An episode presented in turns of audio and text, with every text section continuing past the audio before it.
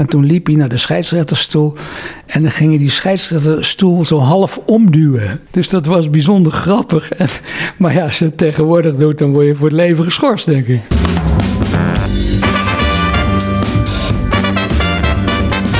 Hallo en, en, leuk dat je luistert naar de Dutch Touch, een NL Tennis eh, podcast serie over de geschiedenis van het, van het Nederlands tennis. Naast mij, eh, zoals altijd, eh, Marcella Mesker. Mijn eigen naam is Jan-Willem de Lange en bij ons hier in de ruimte niemand minder dan Tom Okker. De man die ooit zei, praten, dat is niet een van mijn hobby's. Nou, dat belooft wat. maar we hebben er alle vertrouwen in. Dat Een hele rustige uitzending wordt dit. We moeten de gaten gaan vullen, Marcella. Leuk, eh, leuk dat, je, dat je er bent, eh, Tom. Of dat wij bij jou aanwezig mogen zijn. Zo moet ik het eigenlijk zeggen. We gaan het hebben, uiteraard, over tennis van toen en tennis van nu. Maar zeker ook over kunst en de artistieke kant van Tom, de Flying Dutchman.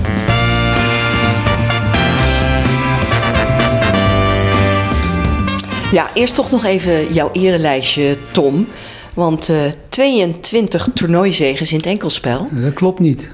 Oh, meteen. Vertel. Het, het Slechte wel, voorbereiding. Het zijn er wel 30, denk ik.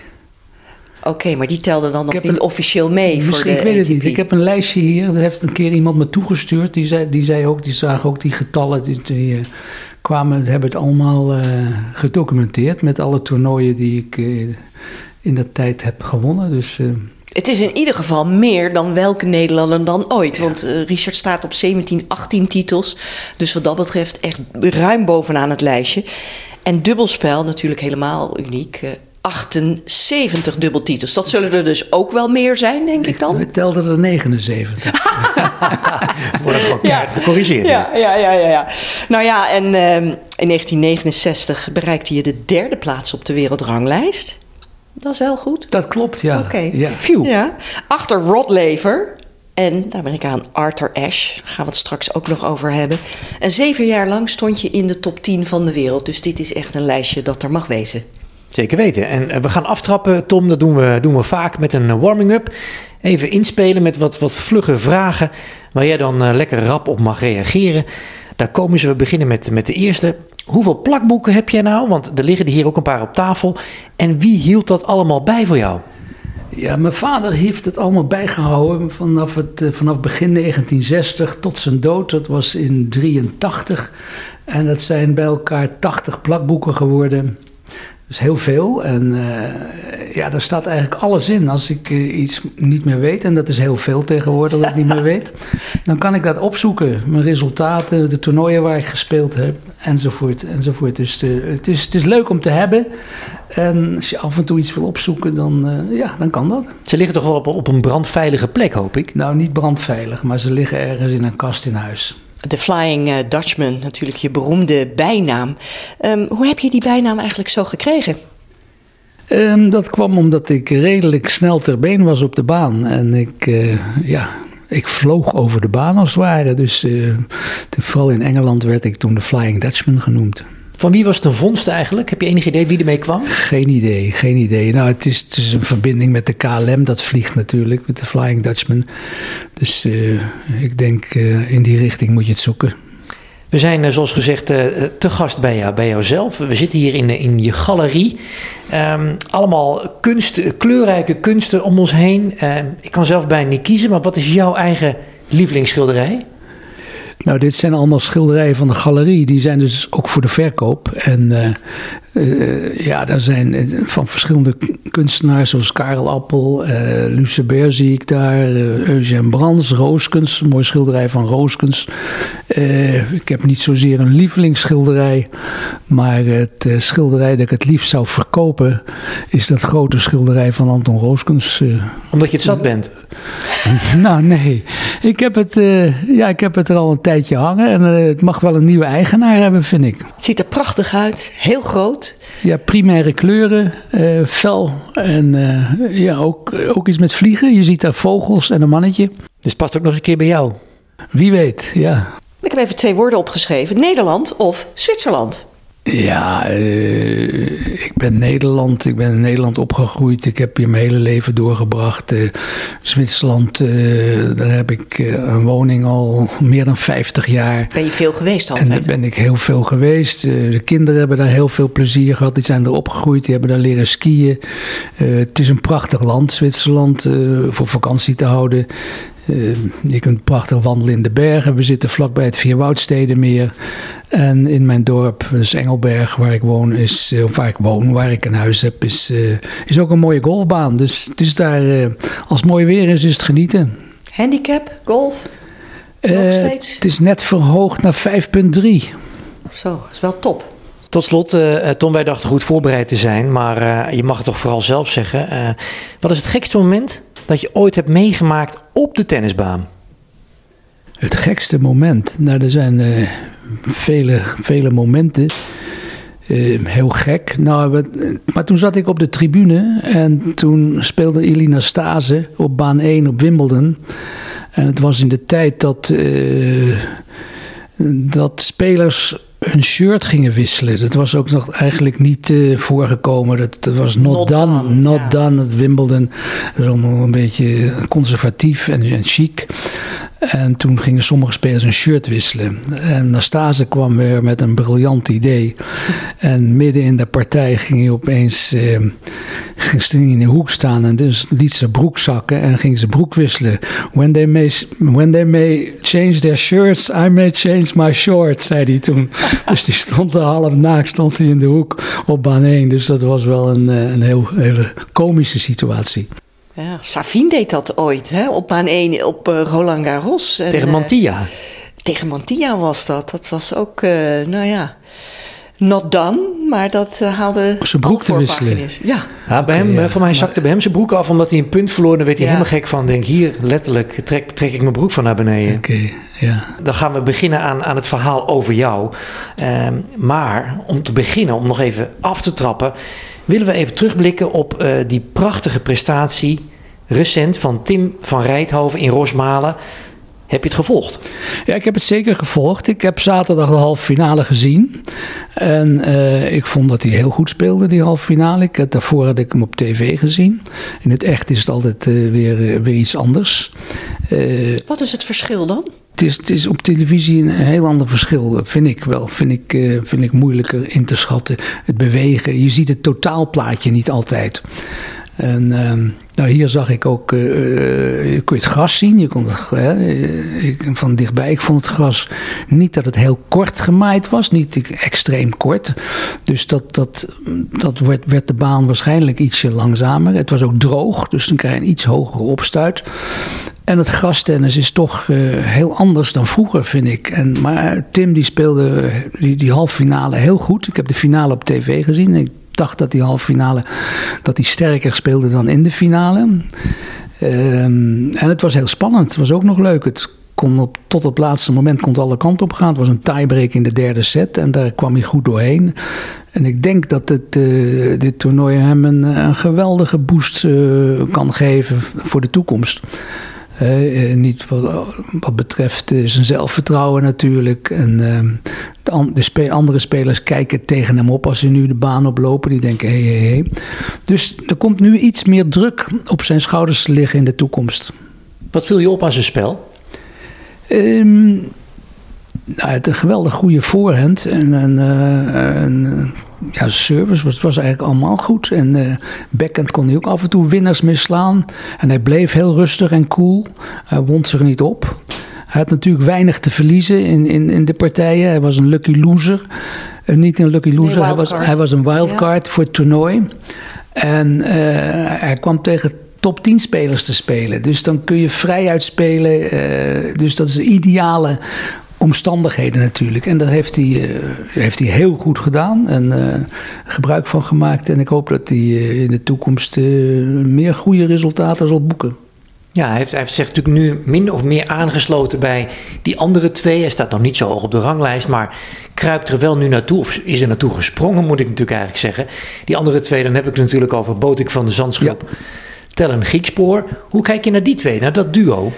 Die hebben het afgelopen jaar ook heel goed gedaan. Die zijn uh, geklommen op de ranglijst. En uh, ja, die kunnen nu alle grote toernooien meedoen. En, uh, en hebben ze de kans natuurlijk om door te stoten. Als ze een keer in de finale of een toernooi winnen. Dat helpt enorm. En dat, dat moet je eigenlijk zien te, eh, te krijgen als, als topspeler. Dat je, dat je een goede loting hebt, dus soms een beetje geluk hebt. Dat je ook goed speelt natuurlijk. En dat je je belangrijke partijen kunt winnen. En dan ga je stap voor stap ga je, kom, je, kom je naar boven. Als uh, Tim nu echt doorzet, hè, hij staat nu 106, hij komt bij die top 100, dan hebben we er drie bij die wereldtop staan. Uh, is natuurlijk geweldig met elkaar reizen, elkaar stimuleren. Um, hoe was dat in jouw tijd? Want jij stond er in je eentje voor. Je was alleen aan het pionieren in het buitenland. Of had je ook andere spelers met wie je kon optrekken uit Nederland? Nou, niet uit Nederland. Ik was de enige die rondreisde. En, uh, maar ik, had dus, ik, ik, reisde dus rond met, met de andere uh, topspelers. Met Australiërs, met de Amerikanen. En het was dus een, een, het veld was gewoon wat kleiner. Je had misschien in, in mijn tijd had je misschien 100 of, of uh, 200 spelers die rondtrokken en met toernooi naar toernooi. En er was maar één toernooi per jaar. Dus je zag al die spelers, zag, die zag je bijna elke week weer ja. waar je mee speelde. En dat waren wel tegenstanders en rivalen, maar het waren ook vrienden van je. Je kende ze heel goed. En uh, zo met, met Marty Riesen ging dan, dubbelde ik acht jaar lang. Dus daar trok ik mee op, daar, daar oefende ik mee. Um, en, en, ik vind het mooi dat je oefenen zegt. Trainen zeiden jullie niet? Jullie zeiden oefenen? Ja, want ik vind de beste training is het wedstrijd spelen. En in mijn tijd, dus als je, als je zeven jaar in, in de top 10 speelt, dan, dan verlies je niet zo vaak de eerste ronde. Dus dan kom je altijd wel uh, kwartfinale, halffinale, finale. En in, je speelde ook nog dubbel. Alle topspelers speelden in mijn tijd ook dubbel. Dus je was de hele week bezig met wedstrijden. Dus dan hoefde je niet veel te trainen. Dat vond jij wel lekker volgens mij. Ja, ik heb eigenlijk weinig getraind. Omdat ik, ja, als je genoeg wedstrijden speelt, dan, uh, dan hoef je niet te trainen. Hoe verbeter je jezelf dan? Als je een toernooi won, dat was een lekker gevoel. En dan, uh, en dan, dan, ging je de volgende week, dan stond je, begon je op de baan te staan en dan ging alles heel makkelijk. Uh, als je een toernooi won en je ging die maandag een andere toernooi toe, dan, ja, dan, had je vleugels als het ware en dan ging het makkelijk. En als je dat een beetje volhield, een aantal toernooien, dan, ja, dan ging het gewoon goed. Waren er wel anderen die bijvoorbeeld wel uren gingen trainen? Want jij had een uitgesproken talent en je had dat dus kennelijk ook niet zo nodig. Er waren weer meer misschien wat fysieke spelers die, die, die op kracht speelden, die wat meer trainden. Uh, Nastase is een andere speler die ook weinig trainde. He, die is ook, uh, speelde makkelijk en rustig. En, uh, Gevoelspeler. En, maar misschien de Australiërs die hadden wat meer training. Wat, maar daar heb ik eigenlijk niet zoveel op gelet. Hoe moet ik het dan zien op, op toernooien? Een wedstrijd gespeeld en je had er een dag tussen, dan, dan speelde je gewoon niet? Ja, je speelde je wedstrijd en vaak moest je dan ook nog een dubbel spelen. Je speelde altijd, elk toernooi speelde je single en dubbel. Dus je was altijd wel bezig. Uh, verloor je in de eerste ronde, ja, uh, dan moest je wel wat oefenen die week. Dan ging je wel wat trainen en, en wat meer spelen. En of je ging vroeger naar het volgende toernooi. Om aan de banen en aan de, verschillende ballen te wennen. Want het was ook altijd anders. Elk toernooi speelde weer met zijn eigen ballen. Een andere ondergrond vaak. In mijn tijd speelden we op veel gevarieerde uh, banen. We hebben op harde banen. Maar die waren ook weer sommige snel, sommige langzaam. Op gras, op uh, gravel, verschillende soorten gravel. Groene gravel, rode gravel. Wat ook weer anders was. Uh, we hebben op canvas in de, in, uh, in de winter speelden we soms op uh, canvas, pijlsnel. Op parketvloeren hebben we gespeeld. We hebben op schelpen heb ik gespeeld. Schelpen? Schelpen in de Filipijnen, ja. Gestampte schelpen. Dus, strandpad, ja. Tegenwoordig is het, is het ja, is, zijn de verschillen iets minder, denk ik. Ja we zien nu bijvoorbeeld met, met Tim van Rijthoven, maar ook Botik en Tellen, dat wij worden een beetje land van laatbloeiers in de tennissport. Um, hoe komt dat, denk je? Dat het bij ons in Nederland ja, zo'n tijd duurt voordat de resultaten komen. Misschien dat ze eerst uh, zorgen dat ze hun scholen afmaken en uh, dat ze wat studeren. Dat, en, en daarna volledig op tennis richten. Maar ja, wat de redenen precies zijn, weet ik ook niet. Het was voor jou wel een, een gokje, denk ik, in die tijd, natuurlijk een hele andere tijd, om te kiezen voor een profcarrière in tennis. Was dat onzekerheid? Ja, dat was toen ook, dat was ook, ook niet logisch om te doen. Want uh, ik heb uh, ja, mijn HBS afgemaakt. En toen moest ik nog een keer in dienst. Toen, nee, ik ben eerst nog, geloof ik, nog heb ik een aantal toernooien gespeeld in het buitenland. Een paar trips gemaakt aan het buitenland waar ik heel veel heb geleerd. De eerste trip was, uh, dacht ik, in 19, begin 64 naar Zuid-Afrika. Het suikercircuit. Daar heb ik veel geleerd. Uh, werd ik heen gestuurd. Waarom heette dat het suikercircuit? Nou, Sugar, uh, Sugar, de Sugar Circuit werd gesponsord door een grote suikerfabriek. Uh, Hewlett's was dat in, toen in die tijd in Zuid-Afrika. Hewlett's uh, Sugar Circuit heette het. En daar speelden de Australiërs en de Engelsen en ook wat Amerikanen. En daar, dat is een van mijn eerste grote trips geweest en daar heb ik toch wel veel geleerd. Je hebt het proftennis in Nederland op de kaart gezegd, gezet, kun je wel zeggen. Hij was echt een pionier hè? En, en, en buitenlandse tennistoernooien spelen, zoals je net zelf al zei. Eh, van, van amateur naar, naar een professioneel tijdperk ging het. En uiteindelijk dus tot die nummer drie positie op de wereldranglijst eh, gekomen. Je gaf al een beetje aan, ik was niet per se de meest fysieke tennisser.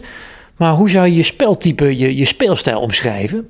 Ja, ik was, ik was dus vrij klein, 1,75 en ik was licht. Dus ik was geen krachttennisser. Ik sloeg de bal niet. Uh, ik had niet iemand met een keiharde server zoals sommige spelers. En die een andere speler kon domineren. Ik moest het meer hebben van, van mijn snelheid, zoals ik al zei, en van het schaken. Ik was een beetje allround speler die, uh, die op alle soorten banen wel uit de voeten kon. Um, en aan de andere kant had je andere spelers die meer grasspelers of snelle spe banenspelers waren. En andere spelers die weer beter uit de voeten konden op gravel. Topspin was ook een heel belangrijk onderdeel in jouw spel. Want ja, dat bestond nog niet zo extreem zoals nu. Hè? Maar jij had met die voorhand toch wel een hele bijzondere slag. Hoe heb je dat geleerd? Ja, eigenlijk uh, ja, terloops geleerd. Ik, uh, een van de weinige uh, spelers die ook heel, met heel veel topspin sloeg was Manolo Santana. Die, is, die speelde ja, iets is iets ouder Spanjaard, dan ik. Ja? Spanjaard, nummer 1 van Spanje. Wimbledon winnaar ook heel vroeg.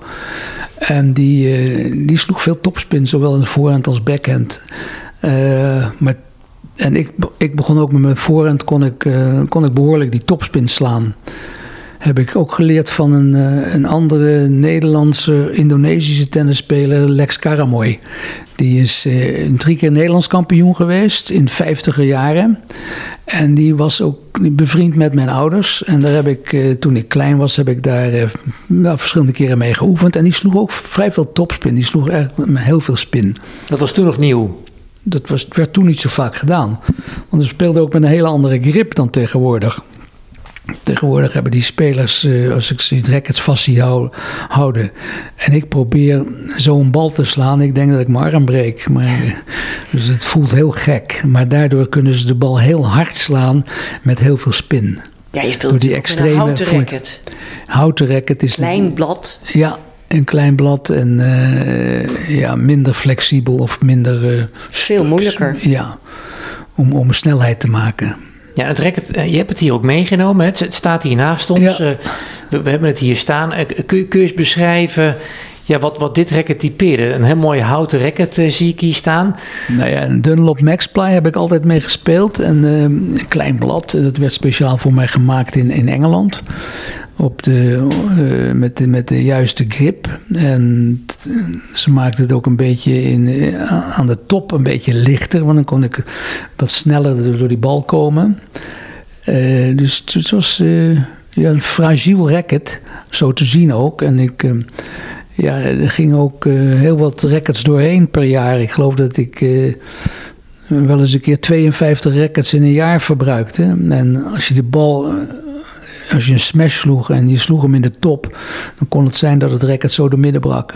Ja, mooi is natuurlijk ook dat fotootje Jan Willem, hè? het Ja. Tom Okker-embleem. Want dat was trouwens mijn allereerste houten racket. Wat ik kreeg om te gaan tennissen. Dat was het Tom Okker. eh Ja, het sloeg zoveel beter, hè? Zoveel beter, Ja. daar heb ik het mee geleerd. Ja, Hey, prachtig. En hoe, hoeveel, hoeveel snaren gingen er bij jou doorheen? Of, of sloeg je vaker een racketstuk? Ehm, nee, het werd, werd geregeld bespannen ook. En ehm, ik speelde met, met Darm. Eh, met Van Babola. Ik was een van de eerste die eh, beg- zeg, eind 60 onder contract stond van Babola. Ehm, en eh, ja, die, daar speelde ik altijd met, met VS, heette dat toen VS. En het was darm. En die kon je ook nog krijgen in verschillende diktes. Dus als je op langzamere banen speelt, zoals op gravel, dan had ik iets dikkere snaar. En op Wimbledon had ik altijd een hele dunne snaar. En dat vond ik het prettigste, maar met die dunne snaar, mm, dan soms ging, je maar eens, ging het maar een set mee of eh, een partij en dan, dan braken ze weer. Maar het speelde wel heel fijn. Je bespande niet je eigen rackets? Eh, Nee, ik heb geen idee hoe je een racket moet bespannen. nee, destijds waren er dus ook al bespanploegen op, op toernooien eh, aanwezig waar je gebruik van kon maken. Ehm, in het begin niet. Dan ging je naar, eh, naar sportzaken om het te laten bespannen. Dat wisten de toernooien meestal waar dat kon gebeuren. En pas ietsje later kwamen de bespanners ter plekke op de baan. Als we nog even kijken naar je carrière en mooie herinneringen ophalen. En misschien heb je nog een paar mooie anekdotes over ja, bijvoorbeeld je lastigste tegenstanders. Hè? Want je hebt gespeeld tegen mannen als Nastase en als McEnroe. En die stonden toch echt eh, bekend als, eh, nou, om het maar gewoon te zeggen, etterbakjes. Ja, dat waren inderdaad vervelende tegenstanders. Eh, die konden, beide konden zich niet eh, beheersen op de baan en die werden soms helemaal gek. En eh, nou, dat, dat vond ik. eh, ja, dat, dat wist je dat het soms kon gebeuren. Dus dit, eh, hield je rekening mee als je tegen ze aan het spelen was. Het, is, het kon ook heel vervelend zijn. Maar ik vond het belangrijker dat de scheidsrechter dan goed optrad. Dat die, eh, wat die spelers doen is prima. Maar als de scheidsrechter maar op de juiste manier optrad, die moet ze eh, vertellen of disqualificeren of weet ik veel. Eh, maar die moeten de zaak in de hand houden. En dat gebeurde niet altijd. En dan werd ik, ja, dan werd ik boos zeg maar, op de scheidsrechter. Dan kon ik de scheidsrechter er wel van langs geven. En in onze tijd kon je veel doen op de baan. Je werd niet gauw tegenwoordig. Als je iets doet, dan krijg je strafpunten en je krijgt eh game verlies je. En je kunt zelfs gedisqualificeerd worden. Overal staan microfoons tegenwoordig natuurlijk om Ja, het alles, te je hoort alles. Nou, in mijn tijd was dat heel anders. Wij konden de scheidsrechter van de baan sturen. Ja. En dat is ook geregeld gebeurd. Of linesman van de baan sturen. Als die zaten te slapen, dan, zeg je, dan vroeg je naar de hoofdscheidsrechter. eh, ja, die, die, die is zo slecht, die moet vervangen worden. En dat werd dan ook gedaan. Scheidsrechters hebben we ook wel vervangen. Vertel eens, eh, kun je, kun je een momentje terughalen? Eh, nou, ik weet niet een bepaald moment, maar ik weet nog wel dat, dat ik een keer. ehm, zelfs in Rotterdam gebeurde dat toen. Toen ik tegen Nastase of met Nastase speelde een keer. En dat, er gebeurde iets op de scheidsrechterstoel. En eh, op, dat de scheidsrechter hem niet beviel. En toen liep hij naar de scheidsrechterstoel. En dan ging hij die scheidsrechterstoel zo half omduwen. Dus die, dat is een hoge stoel. Dus als je bovenin zit en je begint te schommelen, is levensgevaarlijk. En, eh, dus dat was bijzonder grappig. En, maar ja, als je het tegenwoordig doet, dan word je voor het leven geschorst, denk ik. Ja, Zverev heeft, heeft laatst nog zijn racket bijna kapot geslagen op de scheidsrechterstoel. Ja, maar ja, dat is wat anders dan dat je de scheidsrechter zo- zo'n aantal graden omver duwt. Dat dus de scheidsrechter ja, echt bang werd dat hij dat hij er eh, uit de hoogte zou vallen. Heb je nog eh, überhaupt contact met eh, ja, je collega's van vroeger? Ja, dat heb ik ook nog wel. Ik eh, spreek Martin Riesen af en toe. eh, bel ik op. op ik, bel, eh, ik word altijd gebeld op mijn verjaardag. En ik bel hem op zijn verjaardag. En tussendoor spreken we elkaar ook nog wel. Hij is me ook nog een keer komen opzoeken in, Zwitserland. En ik heb hem in Santa Barbara, Californië ook wel opgezocht. Dus een goede vriend. En die spreekt nog regelmatig. Nastase, die spreek ik ook af en toe nog wel eens via, via Facebook. Of we bellen af en toe laatst nog bericht gestuurd of hij ook op Wimbledon kon, kwam. Nu komend Wimbledon. Ik ga ook nog twee dagen even erheen. En dan, eh, nou, misschien eten we samen of zoiets. Dat is altijd leuk om oude herinneringen op te halen. Als je nou terugkijkt op, op je eigen carrière en, en, en de, de jaren de revue laat passeren, ehm, ben je dan iemand die alles uit zijn carrière heeft gehaald? Hoe, hoe zie je dat? Nou ja, dat weet je dus nooit. Uh, misschien als ik wat meer getraind had, fysiek en sterker was geworden, was, het misschien, was ik misschien nog. Uh, ja, had ik nog misschien nog wat betere resultaten, maar dat is achteraf praten. Uh, geen spijt van dingen? Ik heb, nee, nee, nee, een hele goede tijd gehad. En uh, leuke, leuke, al die toernooien spelen. En toernooien winnen is altijd het leukste natuurlijk. En uh, nee, prettige tijd geweest, tennis. En je houdt er een, hebt toch nog veel vrienden aan overgehouden. Ja. En, en, en voor jezelf, het hoogtepunt... Wat, uh, wat is dat uh, geweest? We weten natuurlijk finale US Open, halve finale ja. Wimbledon. Maar misschien heb je zelf iets anders wat heel erg in het oog springt. Nou, er zijn een aantal leuke dingen. Ik denk een hoogtepunt is de US Open. Dat was een van mijn eerste grote doorbraken. ik, onverwacht kwam ik in de finale. Ik versloeg González in de kwartfinale en, en Ken Rosewell in de halve. En uh, toen verloor ik vijf sets van Ash. Maar eh, ja, daarna nog vele toernooien gewonnen. Monaco vind ik altijd een, een, uh, een hoogtepunt nog. Het is een, een, mooi toernooi om te winnen. De, locatie is fantastisch. Het uh, won van John Newcomb in de finale. Dus die was toen ook een van de topspelers. Um, ja, en, en daar heb je iets ook van meegenomen, Monaco. Uh, ja, het heeft ongeveer de grootte van een koffiekopje, maar het is wel bijzonderder dan een koffiekopje. Het is, het is een heel klein zilver bekertje. De, de, de wisseltrofee is, is vele malen groter en daar staat je naam dan op. En zo krijg je zo'n heel klein bekertje mee naar huis. En dat vind ik leuk, zo'n heel, heel klein bekertje. Dat neemt ook niet veel ruimte in, dus dat kun je overal neerzetten. Nou, je noemde het zelf al even op, de US Open. Daar hebben we een klein fragmentje van meegenomen. Laten we er even naar kijken. Good afternoon, Bud Collins along with Jack Kramer with you at Forest Hills of an extraordinary event in tennis, the first US Open. Jack Kramer en Bud Collins. De US Open finale, het werd hier nog even teruggehaald door, door mensen die, eh, die er misschien niet bij waren. Maar wat, wat, wat staat jou nog bij van die wedstrijd? Ja, er waren geen tiebreaks. Dus er waren, de eerste twee sets waren vrij lang. Geloof, ik weet niet eens, 13-11 of 15-13 uh, en 10-8 geloof ik. En toen was het 6-3, 3-6, 6-3. Um, ik heb nog een kans gehad in de vijfde set. Uh, ik dacht dat ik in de eerste game breakpoints had. En daarna eigenlijk niet meer. Maar het, het, het gras in Forest Hills is, is, is, was altijd heel slecht spongy gras. Dus je kreeg heel weinig. Je kreeg heel veel slechte bounces. Heel, de bal sprong wisselend op. Dus daarom moest je echt serve en volley spelen. En Ash had een geweldig goede service. Heeft geloof ik, ik weet niet hoeveel aces heeft geslagen, die partij ook.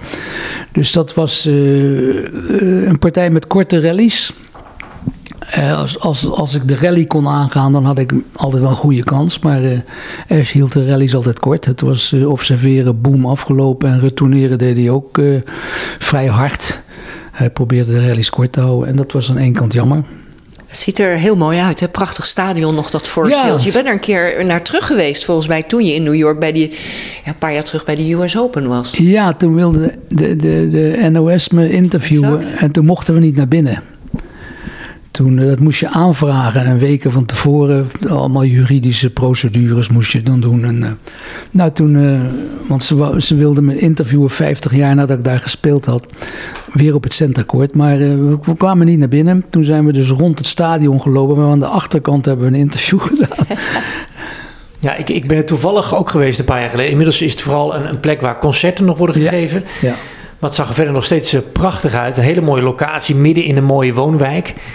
Uh, wat, weet je, wat weet je daar nog van, van, van hoe de entourage toen was? Ja, het was toen uh, ja, overal gras en een marquis waar je kon eten. En uh,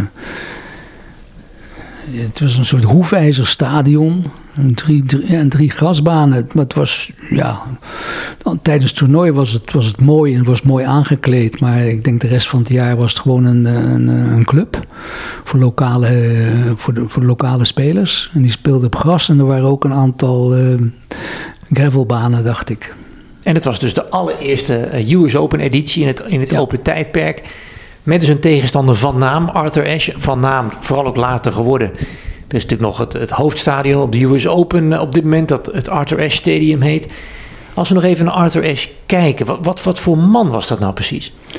Arthur was een uh, vrij stille jongen. Hij, uh, ik ken hem heel goed. Ik ben uh, voor het eerst ontmoet ik hem geloof ik in 1964 in Australië.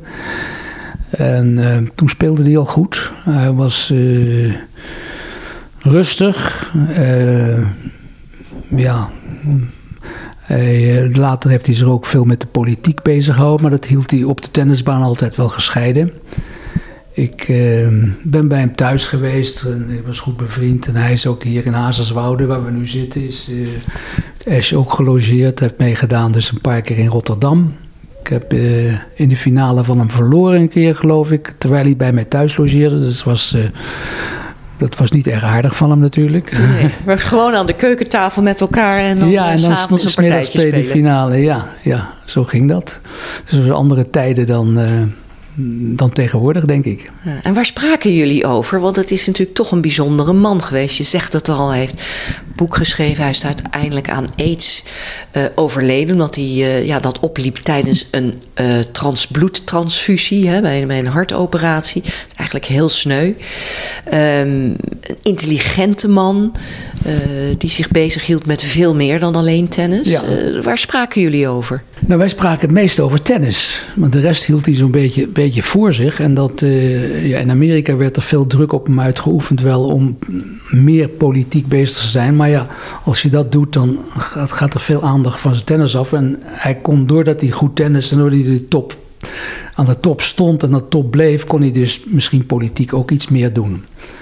Maar verder was het uh, ja, de gewone dingen van het leven. Ik ben met hem op safari geweest in Kenia met Marty Ries en Passerel en Arthur. En we hebben gewoon leuke tijden gehad. En zoals iedereen met elkaar omgaat. Ja. Merkte je wel eens op de tour of tijdens de wedstrijden... hij, hij was natuurlijk de enige zwarte... Uh, dat hij wel eens werd gediscrimineerd... of dat er was, wel eens wat gebeurde... of dat hij daar toch wat over zei? Nee, eigenlijk niet. Dat is... Dat is in de tijd dat hij goed speelde en echt aan de top stond, was er geen sprake van dat hij werd gediscrimineerd. Ik kan me nog wel herinneren dat, ik denk in 1968 ook, toen speelden we op, uh, in Houston, de Houston Country Club. En daar mocht er geen zwarte lid worden. Of, of uh, en hij was de eerste zwarte die tijdens het toernooi in het clubhuis mocht. Dat werd wel gememoreerd toen. Maar dat was dus helemaal in het begin. Maar daarna was, werd hij overal geaccepteerd en uh, was geen enkel probleem. Hij had ook altijd zo'n hele grote zwarte bril. Hij speelde uh, ook heel slim. Weet je nog de finale op Wimbledon tegen Jimmy Connors? die hij eigenlijk uit de wedstrijd nou, ik, Ja, jij zegt uh, hij speelde heel slim, maar die partij misschien wel. Maar over het algemeen... Voor de rest niet. Over het algemeen... Uh, ja, vond ik. Hij was, was, was een speler die van korte rallies, surfen, volley en retourneren moest hij ook hard doen. Ik speelde met hem in de dubbel. Heb ik ook nog in Zuid-Afrika met hem gedubbeld. Toen speelde hij voor het eerst in Zuid-Afrika. Toen wonnen we van Hewitt en Macmillan. Toen wonnen we het toernooi. Dus dat was wel heel leuk. En toen speelden we voor het eerst in uh, gestreepte, rood en wit gestreepte shirts. Dat was niet, nog nooit voorgekomen. Ook in Ellis Park in, uh, in, um, in Johannesburg. Er werd ook alleen maar in het wit gespeeld. En daar kregen we enorm applaus bij op de, uh, van, van het publiek. Dus uh, dat was ook wel een bijzondere partij. Samen met Ash dat we in Zuid-Afrika wonnen. Maar over slim spelen gesproken. En toen ging hij op een gegeven moment. Speelde ik met hem. En, en hij was geen goede dubbelspeler. Hij was een goede enkelspeler. Maar de dubbel. Hij bewoog zich niet echt makkelijk ten opzichte van je partner. Dus toen ging hij op een gegeven moment, uh, dacht hij heel slim te spelen, ging hij chippen. De return ging hij chippen. Dus langzaam probeerde hij op de voeten van de tegenstander te staan. Ik zeg, Arthur, ik zeg, don't chip. Hit the ball as hard as you can. I know, I, that's, I hate when I play you, when you, and I love it when you start chipping against me. So, uh, dan, dan, toen probeerde hij weer hard te slaan en toen wonnen we de partij. Hoi, schitterend. Um, ja, vriendschappen had je op de tour uh, destijds uh, met, met, met mensen die je veel zag. Uh, um, daarnaast moest je natuurlijk ook je, je boontjes doppen, om het zo maar te zeggen. Een, een leidt nu eenmaal zijn eigen bedrijf. Hè. Het is, je bent een soort eenpitter, uiteraard met mensen om je heen. Maar ik kan me voorstellen dat het vroeger heel anders eraan toe gaat dan nu. Hoe, hoe regelde jij je zaakjes, om het zo maar te zeggen? Je, je, er kwam natuurlijk prijzengeld binnen. hoe ging dat eraan toe? Nou, je deed alles alleen. Je was gewoon, uh, je, je, had geen entourage, je had geen uh, manager. manager. Ik had een manager, maar die zat in Amerika. Die regelde af en toe contracten vernieuwen voor de rackets en voor de kleren. En, dat was eigenlijk het. En de schoenen. En verder werd er weinig gedaan. Uh, je moest zelf je reizen regelen, je boeken, je, je, je toernooien inschrijven. Uh, je moest alles, alles zelf doen. Dus uh, ook als je naar, naar het toernooi ging, dan moest je gaan regelen dat je, dat je op oefenbanen of dat je kon gaan trainen bepaalde uren.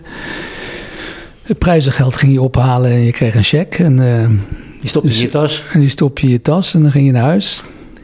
Het is, er is natuurlijk heel veel veranderd wat dat betreft. Ik denk het wel, ja. Ja. Um, en, en, en, en je trad ook op in, in commercials. Uh, op, op dagen dat je dus niet hoefde te oefenen. Om zo... Ja, dat was eigenlijk heel beperkt en heel weinig. Ik heb af en toe wel iets gedaan uh, in Nederland. Uh, zelfs met melk. Dan moest ik, moest ik voor de televisie gaan roepen. Ik drink melk, u ook. En dan had ik met een grote glimlach een glas melk in mijn hand. dus dat was vrij grappig. Ja, die hebben we, die hebben we ook meegenomen, let op. Dus grappig dat je dat nou net opnoemt. Daar komt hij. Ik drink melk. U ook? Melk moet. Melk doet je goed. Ja, ja dat is geweldig. Was het erg lucratief dit? ik heb geen idee. Misschien kreeg ik een paar flessen gratis melk. Maar ook dat is natuurlijk heel erg veranderd. Want tegenwoordig met social media, uh, dat was, was natuurlijk sowieso geen sprake van. Uh, commercials, daar treden tennissers eigenlijk niet meer in op. Uh, Nederlandse tennissers zie je, zie je daar niet verschijnen. Dus in die zin was het, was het ook weer anders. De communicatie ging soms nog met, met telegrammen en in mijn tijd. En als ik daar naar huis wilde bellen, dan moest ik naar het postkantoor.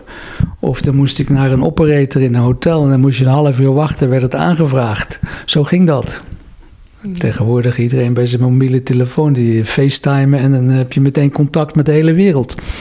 Dus de tijden zijn wel iets veranderd. Oh, toen is een, een, een telegram ontvangen van een eh, bijzondere persoon na een mooie prestatie? Oh, zeker. Ik kreeg het nou, bij de US Open. Ik, ik heb ze nog ergens. Ze staan ook in, allemaal in het plakboek nog van. Uh, uh, van de Tennisbond en van allerlei mensen telegrammen. Die werden toen telegrammen verstuurd, ja. We hebben eerder al even jouw tennis uh, besproken, hè? De, de, de speelstijl. Um, en, en dan gaat het om, om de, de soepelheid komt dan meteen uh, voorbij. Uh, toevallig mocht ik vorig jaar nog een keer je service filmen. En daar viel het me op, ook al had je al heel lang niet geserveerd. De soepelheid zat nou, er nog steeds in. Het voelde toen niet zo soepel, mag ik zeggen. het voelde misschien stijf, maar de beelden, die, het oogde soepel, laat ik maar zeggen. Gracieus, artistiek, dat zijn woorden die, die op je speltype te, te plakken zijn of waren in ieder geval niet, niet heel geforceerd. Dus dat was fijn om naar te kijken. De bal lag lang op het racket, mooi in het midden geraakt. Je zou het op tot op zekere hoogte wel kunst uh, uh, kunnen noemen. En dat brengt ons bij het volgende onderwerp: kunst. Want dat stond en staat nog steeds uh, volop in je leven natuurlijk. Heeft daar nog steeds een hele prominente plek. De galerie kwam al eerder eventjes voorbij. We worden hier ook omringd door de kunst. Hoe is het begonnen? Hoe, hoe is dit zo'n belangrijk onderdeel van je leven geworden? Ja, dat is uh, in de tijd gebeurd. Uh, eind 70 jaren speelde ik uh, met Wojtek Fibak, Poolse tennisser. Heb ik heel veel mee gedubbeld, heel veel toernooien mee gewonnen. Hele goede dubbelspeler. En die verzamelde Poolse impressionistische kunst van kunstenaars die in Parijs hadden gewerkt.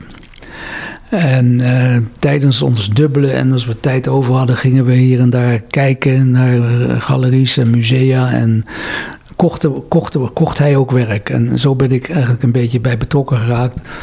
En um, ik ontmoette ook kunstenaars in Parijs, Hollandse kunstenaars in Parijs en in uh, New York. Welke bijvoorbeeld? Zijn dat namen die wij kennen? Nee, Karel, Karel Appel in New York. En Corneille, kennen wij wel, hè? Ja, die kennen we wel. Corneille in, uh, in Parijs. En later in, in Amsterdam ontmoette ik uh, Lucebert en Eugène Brands, ook Cobra-kunstenaars. En die ben ik toen gaan verzamelen. Kan je nog het eerste werk herinneren wat je hebt gekocht? Nou, ik kan me nog wel herinneren dat ik een, um, van Karel Appel een, um, een schilderij kocht. Ging, had ik een afspraak kunnen maken op zijn atelier in New York. Ik denk dat was eind 70 jaren en dat was. Uh, Nou, ik uh, hij had net een tentoonstelling had hij gehad ergens in New York. En daar waren een stuk of vijf, zes schilderijen stonden in zijn atelier klaar. En ik zei dat ik wel belangstelling had om iets te kopen van hem. Dat ik leuk vond om te ontmoeten, enzovoort, enzovoort. En toen stond daar een schilderij van een meter bij een meter, heel dik in de verf. En twee, uh, twee gezichten als het ware. En ik zeg, nou, dat vind ik wel mooi. Ik zeg, wat kost dat? En toen zei hij, nou, dat weet ik niet, zegt hij. Even achterop kijken. Nou, toen stond dus de prijs erop van de galerie. En dat is meestal meestal het dubbele van wat de kunstenaar krijgt. Dus dat was toen, ik weet het niet eens meer, 16.000 dollar of zo. En uh, ja, het kost 16.000 dollar. En ik zeg, nou ja, ik, ik, een van mijn eerste schilderijen die ik kocht, ik dorst niet af te dingen of niks te, niks te zeggen. Ik zeg, oké, okay, dat is goed, dus dat is goed. Dus dan heb ik dat gekocht voor de hoofdprijs. En dan ben ik met dat schilderij zo uh, uit zijn atelier gelopen. Ik moest wel meteen nog overmaken aan hem, uh, zo snel mogelijk naar zijn rekening in Monaco. dus dat heb ik toen ook gedaan. Dus dat was een van mijn eerste werken. Uh, ik liep ermee uit en stopte in een taxi en uh, heb toen meegenomen naar Amsterdam. Dat was een van mijn eerste werken die ik aankocht. Waren er nog andere spelers die uh, kunst verzamelden, behalve Fibek en jij? Eigenlijk niet. McEnroe later nog een, iets, heeft hij nog een galerie gehad in New York en die heeft wat kunst verzameld, denk ik. Ik denk dat hij Andy Warhol ook wel goed kende. Uh, dat is natuurlijk uh, een megaster geworden, helemaal de laatste tien jaar. Dat is, die prijzen zijn gigantisch geworden. Maar ik weet niet of uh, verder nog uh, andere... Lendel? Lendel die, ja, die verzamelde nog iets van posters. Posters van, van een Tsjech. hoe heet die ook weer? In ieder geval een bekende Tsjechische. En daar had hij een hele grote verzameling van. Maar die was ook geen echte kunstliefhebber, nee. Nee, net als eigenlijk uh, alles nooit een liefhebber, maar gewoon een harde werker. Ja, ja, ja, zakelijk. Uh, uh, was, was het voor jou ook vooral een zakelijk target, om het zo maar te zeggen? Nee, in eerste instantie zeker niet. Uh, ik vond het leuk. En uh, ik vond het leuk om dingen thuis aan de muur te hebben, waar je met plezier naar kon kijken. Ik hield van de primaire kleuren, van de vrolijke schilderijen. Dat heb ik in de eerste instantie ook verzameld. En uh, pas later, in, uh, in midden tachtiger jaren, ben ik een galerie begonnen met, een, uh, met Nico Koster. Die was fotograaf bij de Telegraaf en die zat al een beetje in de kunstbusiness. En die kende ook al heel veel kunstenaars. Die heeft heel veel fotoboeken gemaakt met kunstenaars. En toen ben ik hem met uh, in Amsterdam een galerie begonnen. Dat hebben we zo'n 16 jaar samen gedaan en uh, succesvol. Is er nog bepaalde tenniskunst uh, die je kunt waarderen? Dus... Dat beeldje daar van Kees Verkade heeft hij van me gemaakt. Toen ben ik naar Zuid-Frankrijk gegaan.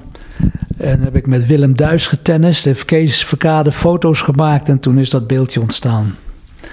En toen heb ik in dat tijd een beeldje gekregen. En ik heb in de laatste twee jaar heb ik nog twee beeldjes kunnen terugkopen. Er zijn er zes gemaakt. Dus dan heb ik een beeldje voor uh, mijn drie kinderen.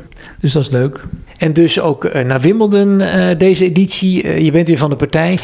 Um, vaste gast zou ik bijna durven zeggen. Is er nou een speciaal plekje wat je daar, wat je daar graag opzoekt... waar je altijd even naartoe wil? Ik vind het leuk om daar... Uh, om daar even rond te kijken en wat, wat bekenden en vrienden te zien. En ook af en toe een goede wedstrijd. Ik denk ook, ik ga de tweede maandag. Dus ik hoop dat een van de Hollanders misschien uh, in de laatste 16 komt. Vierde ronde dag, ja. Dan kan ik die, uh, uh, kan ik die zien. Dus, en het is mogelijk met, met de manier waarop ze spelen op het ogenblik. Wie is jouw favoriet voor de titel? Zal een van de drie zijn. En dan, uh, nou, Federer zie ik niet zo gauw weer winnen. Die doet ook niet mee. Dan wint hij zeker niet. Bedankt voor al je, al je verhalen, Tom. Daar zat, daar zat heel veel moois uh, tussen. En, en de luisteraar, bedankt voor het luisteren naar deze aflevering met de bijzondere Tom Okker. Wil je de andere tennisportretten die we hebben gemaakt terugluisteren, dan kan dat natuurlijk via onze website. En je kunt alles terugluisteren via de bekende podcastkanalen. Bedankt dat we hier te gast uh, uh, mochten zijn, Tom. Heel bijzonder. Graag gedaan. Dankjewel. Tot de volgende keer.